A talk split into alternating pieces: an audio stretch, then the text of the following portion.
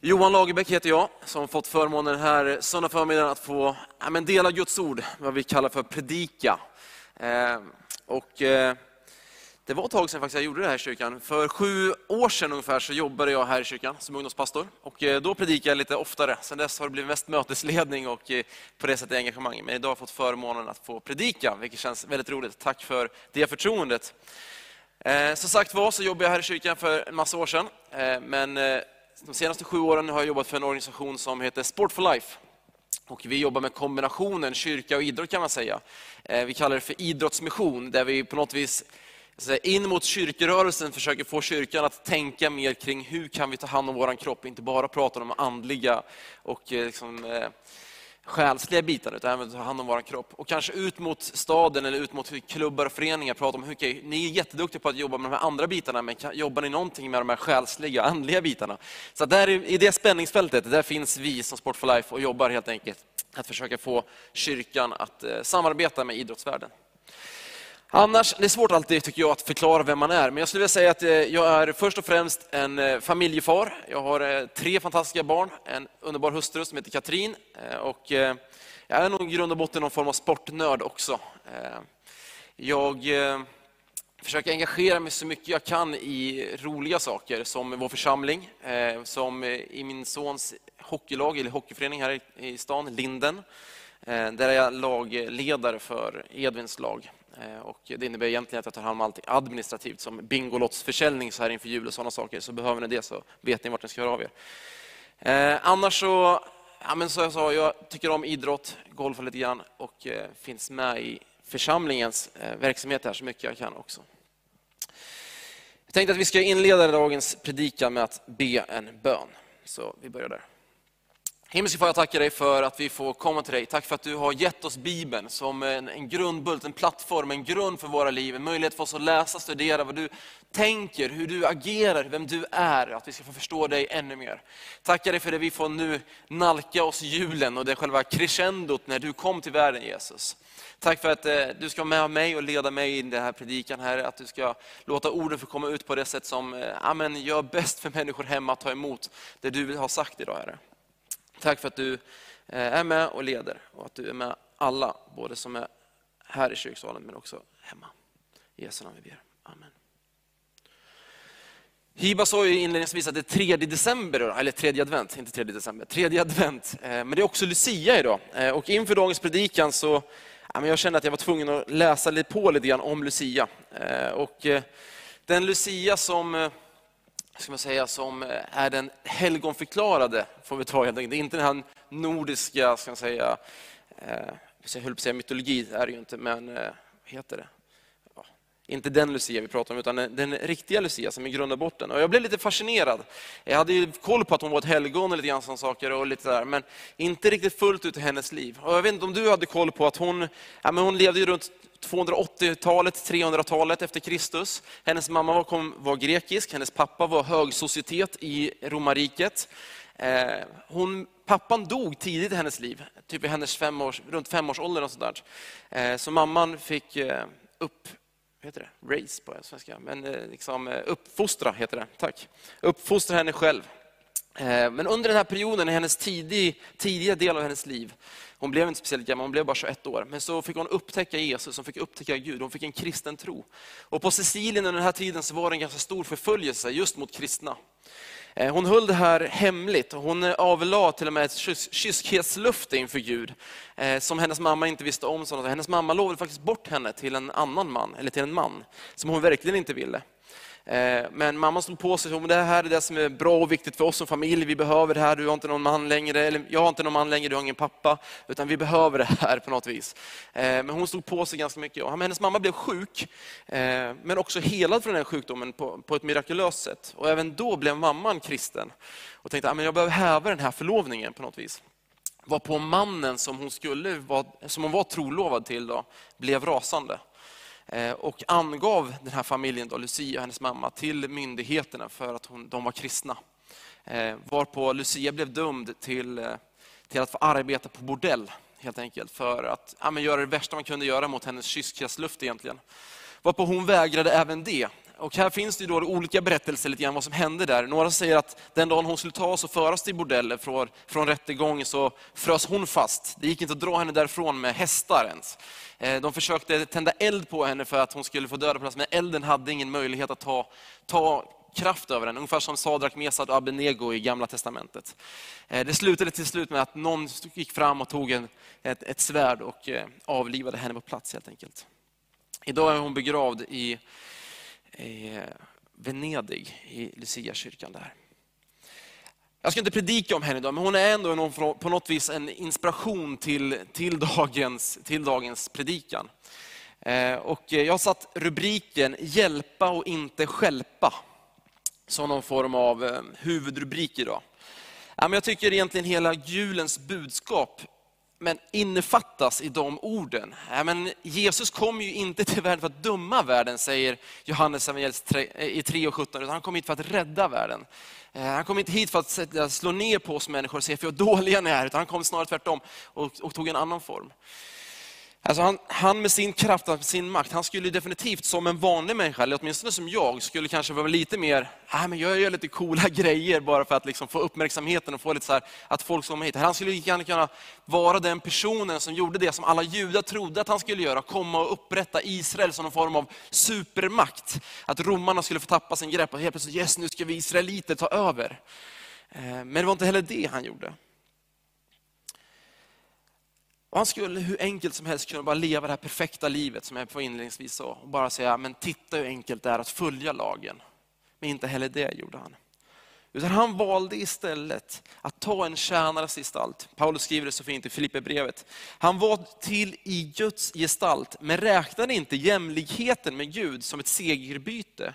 Utan han utgav sig själv och tog en tjänares gestalt och blev människan lik.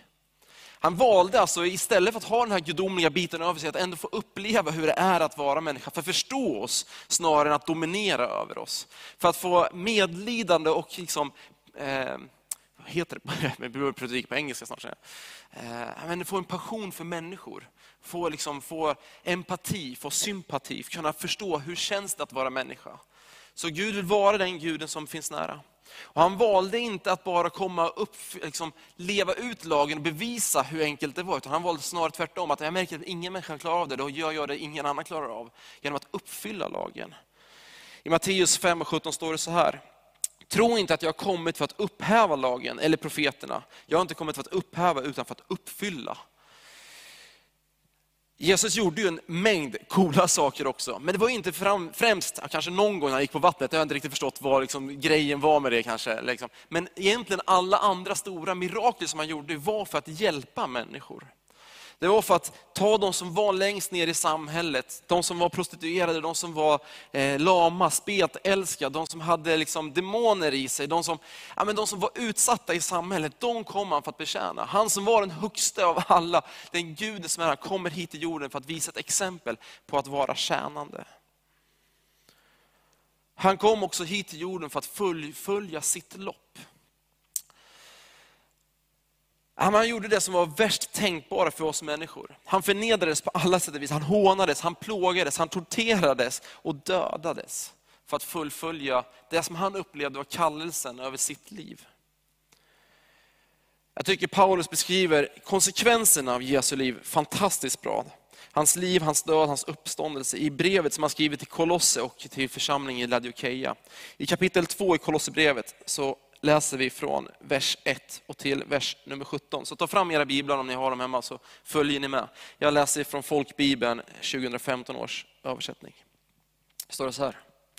Paulus skriver helt enkelt. Jag vill att ni ska veta vilken kamp jag har för er och för dem i Laodikeia och för alla som inte har träffat mig personligen, alltså oss, typ. Han visste inte om att vi skulle läsa det här typ 2000 år senare, men ändå. Jag kämpar för att de ska bli styrkta i sina hjärtan, förenade i kärlek och nå fram till hela den rika och fullt övertygande förlåtelse, förståelse nu, bra, som ger rätt insikt i Guds hemlighet, Kristus. I honom är vishetens och kunskapens alla skatter gömda. Detta säger jag för att ingen ska bedra er med övertalningsknep för även om jag inte är hos er kroppsligen, så är jag hos er i anden. och glädjer mig när jag ser er ordning och fasthet i tron på Kristus. Liksom ni tog emot Kristus, Jesus som Herre, så lev i honom, rotade och uppbyggda i honom och grundade i tron i enlighet med den undervisning som ni fått. Och låt er tacksamhet flöda över. Se till att ingen fångar Eh, se till att ingen fångar er med den tomma och förrädiska filosofi som bygger på mänskliga traditioner och världsliga makter och inte på Kristus. I honom bor gudomens hela fullhet i kroppslig gestalt. Och i honom är ni uppfyllda, han som är huvudet över alla härskare och makter. I honom blev också ni, blev, I honom blev ni också omskurna, inte med människohand utan med Kristi omskärelse. När ni avklädde er syndiga natur och begravdes med honom i dopet. I dopet blev ni också uppväckta med honom genom tron på Guds kraft. Han som uppväckte honom från de döda. Ni var döda genom era överträdelser och er oomskurna natur. Men också er har han gjort levande med Kristus. Han har förlåtit oss alla överträdelser och utplånat det skuldebrev som vittnade emot oss med sina krav. Han tog bort det genom att spika fast det på korset. Han avväpnade härskarorna och makterna och gjorde dem till allmänt åtlöje när han triumferade över dem på korset. Låt därför ingen döma er för vad ni äter eller dricker, eller när det gäller högtid eller nymånad eller sabbat. Allt detta är en skugga av det som skulle komma, men själva verkligheten är Kristus. Jag sa i inledningen i den här predikan att Lucia var en förebild till dagens predikan. Och man kan ju fundera på, men på vilket sätt då? Jag tänker de här sista, sista fyra, fem orden som Paulus skriver, det känns som att hon verkligen förstod vad det innebar. Själva verkligheten är Kristus. Och hon lät det få ta utrymme och få ta konsekvenser i hennes liv. Vem hon var i Kristus, vem Kristus hade talat ut över henne. De luften hon hade lagt fram emot Jesus och mot Gud. Vem är det? Eller vem var det? Ja, men, och då min fråga den här dagen, den här predikan är väl egentligen, har du förstått de bitarna över ditt liv? Har du upptäckt och lyssnat till Guds hemlighet i julen? Alltså Jesus. Han som enligt Paulus ord har, ja, men har vishetens och kunskapens alla svar. Typ som meningen med livet. Han som har förlåtit oss alla överträdelser och utplånat alla, hela skuldebrevet, det som stod emot oss, har öppnat upp en möjlighet till en relation för dig och med Gud. Han avväpnade härskarna och härmakterna och gjorde dem till fullkomligt åtlöje. Han har gett oss genom möjligheten av dopet också fått ta del av den helige Ande. Den ande, den kraften som uppväckte Jesus från de döda. Eller vem lyssnar du på? Eller lyssnar du till? Eller kanske skulle lyssna du på? Är julen för dig, likt det vi sjöng tidigare, ett glatt och lite festligt Feliz Navidad? Eller lyssnar du på Fredrik Kalas, Hey Ho? Eller Edvard Bloms, Nu lagar vi julen. Liksom fastnar vi kring de här mänskliga julbjällrorna, det här som låter så. Eller hit, försöker hitta din, din hopp och din, liksom, din tröst i triads tändet ljus. Vet ni om att det är den mest lyssnade låten av alla julsånger någonsin? Men fortfarande så finns det ett hopp som är större än det här ljuset. Fantastiskt, det är varmt och kan bringa hopp. Men det finns ett större ljus som kom till vår värld. Eller vågar du faktiskt på riktigt reflektera över innebaren av gläns över sjö och strand?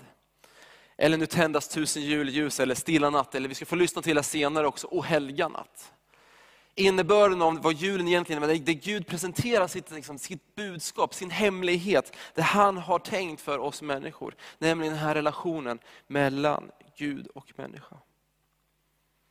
Det är så lätt idag att vi lyssnar till det, det liksom Paulus varnar oss för, liksom de här mänskliga traditionerna. Det är så lätt att vi bygger upp julen på, när julgranen kommer in så får vi julkänsla. När vi bygger pepparkakshuset så får vi julkänsla. När vi, jag känner igen mig det, det är mysigt med julkulor och det, med julmusik som går på i bakgrunden hemma och massor med tända ljus och sådana saker. Men det bringar ju egentligen inte den här friden, den friden som jag tror vi hela världen törstar av just nu under den här pandemitiden, den oron som finns, som vi går över.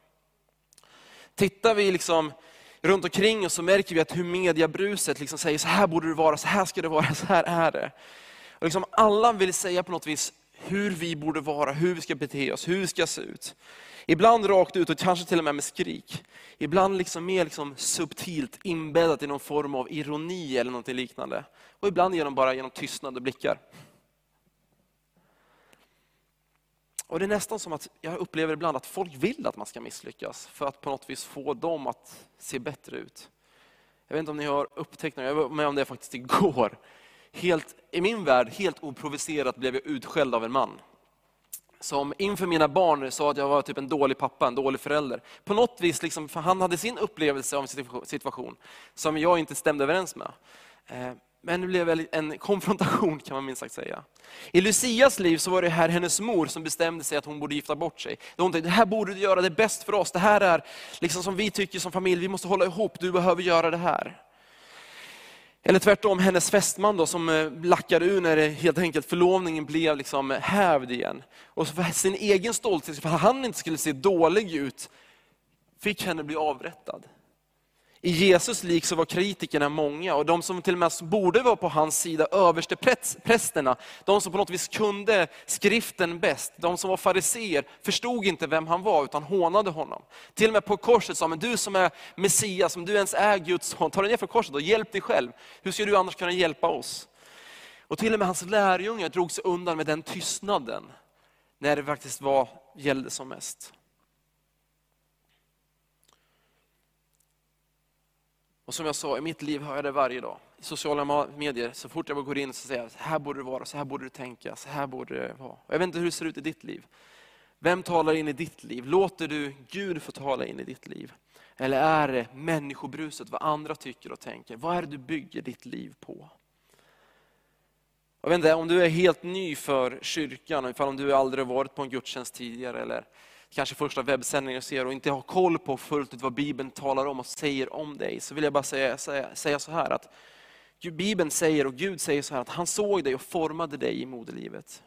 Han säger att ditt liv har en mening och en betydelse. Att Bibeln säger att Gud har större planer och större tankar om ditt liv än vad du själv någonsin kan tänka. Du är älskad för den du är och inte för vad du gör. Gud vill alltid umgås och hänga och vara med dig. Han vill dela livet med dig, han vill se dina kamper, han vill se, vara med när du gör, liksom, har de här glädjestunderna på något vis. Bibeln säger också att du genom Jesu död kan få, liksom, alltså, genom hans uppståndelse kommer aldrig få någon form av fördömelse. Det finns inget fel du kan göra som Gud kommer säga liksom, är liksom, för stort.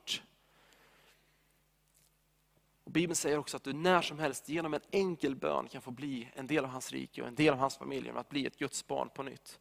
Och där startar din resa som kristen.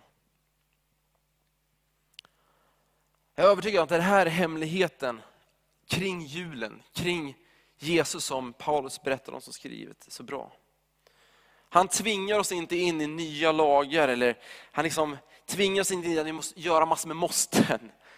Utan han hjälper oss att oavsett beteende och agerande, att få den här valfriheten. Att få den här friheten. Jesus säger själv i Johannes 8.36, om sonen nu gör er fria så blir ni verkligen fria. Det snackar jag om julklapp. Att få den här totala friheten, att, totala, att vi inte behöver göra de här måsten, vi behöver inte uppfylla lagen, vi behöver inte. Utan dörren är öppen, förlåtelsen som vi sjöng har brustit. Relationen med Gud finns där ifall du vill ha den.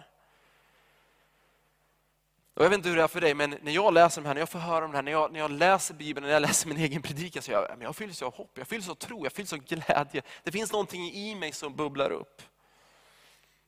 Och jag tror det är det exakt det som Paulus menar i Kolosserbrevet 2.7 när han säger, låt den tacksamheten få flöda över.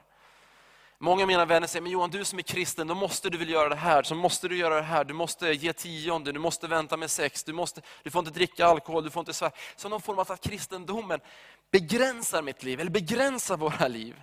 Jag skulle säga snarare tvärtom, att nej, men det, kristendom gör det att expandera våra liv, visa på en valmöjlighet som är mycket, mycket större än vad den här världen erbjuder.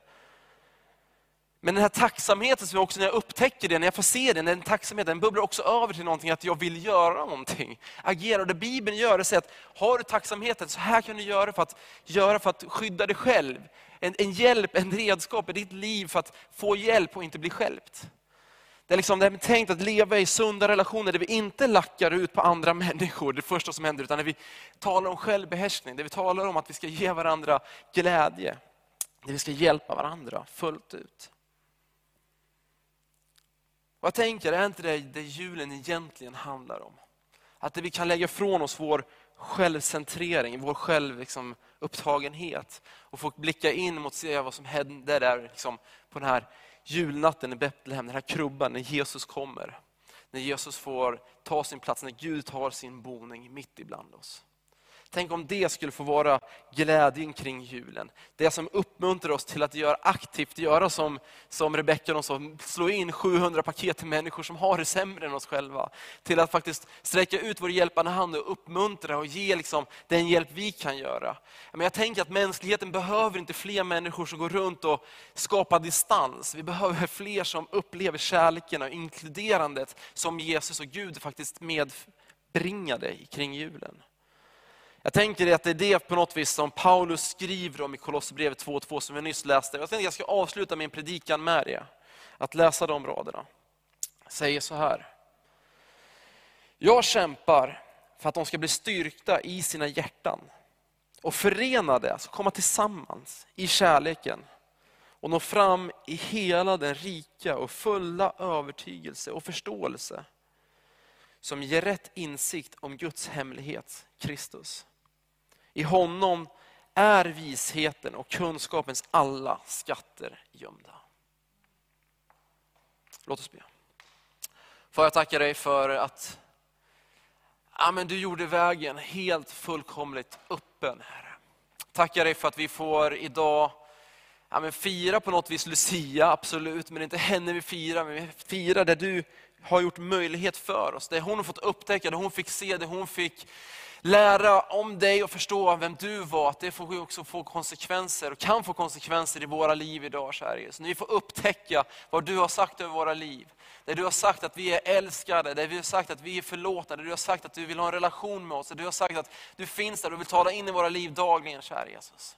Jag tackar dig för att vi får fira den här julen och tänka på att vi ska hjälpa människor, hjälpa varandra att få ta de steg och få följa det lopp som du har kallat oss till att få göra. Och inte stöta omkull varandra, stjälpa omkull varandra och armbåga oss fram i den här världen. Utan vara den här hjälpen. Tack för att du har visat föredöme hur det ska vara, gjort den vägen möjlig. I Jesu namn vi ber.